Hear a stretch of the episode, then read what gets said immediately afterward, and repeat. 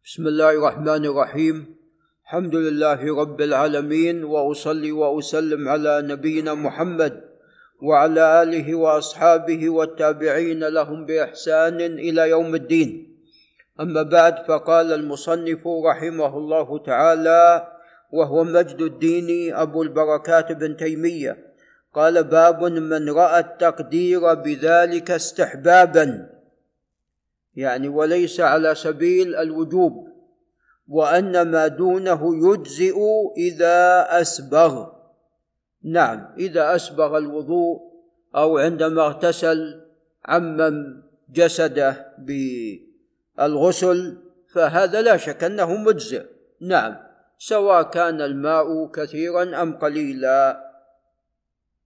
قال عن عائشة رضي الله عنها وعن أبيها أنها كانت تغتسل هي والنبي صلى الله عليه وسلم في إناء واحد في إناء واحد يسع ثلاثة أمداد أو قريبا من ذلك.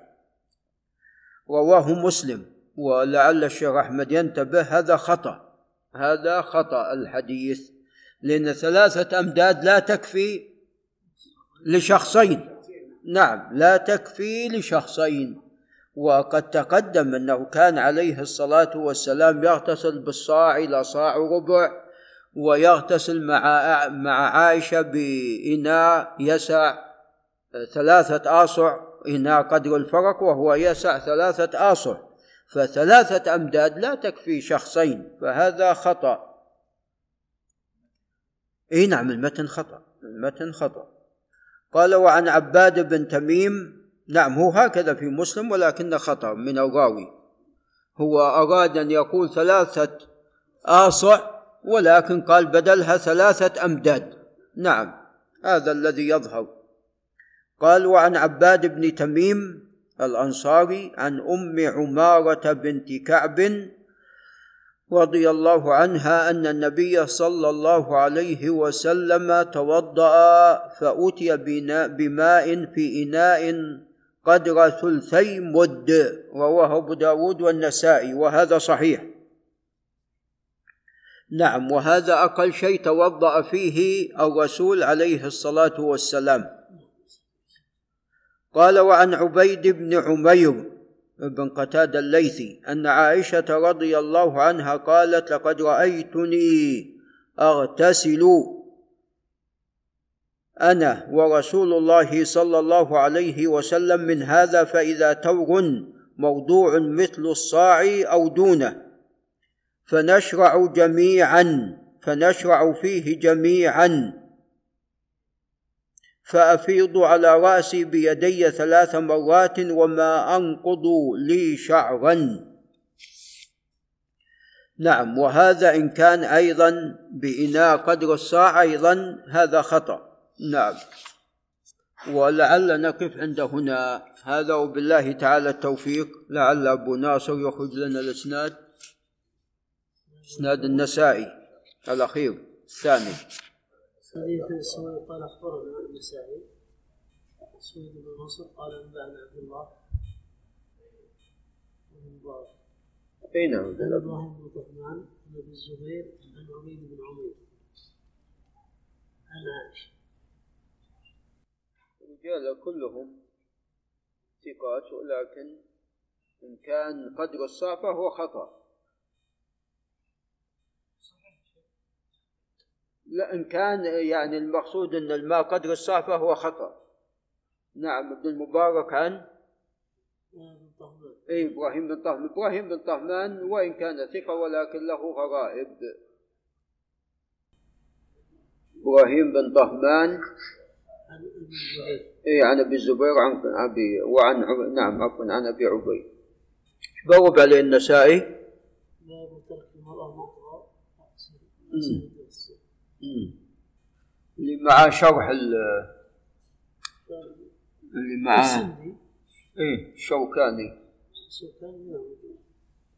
تعطيني إياه؟ يا الله نعم يقول صاع أو دونه يعني اشتراك النبي عليه الصلاة والسلام مع عائشة في صاع أو دونه. هذا خطأ ما, ما يكفي. صاع أو دونه لشخصين.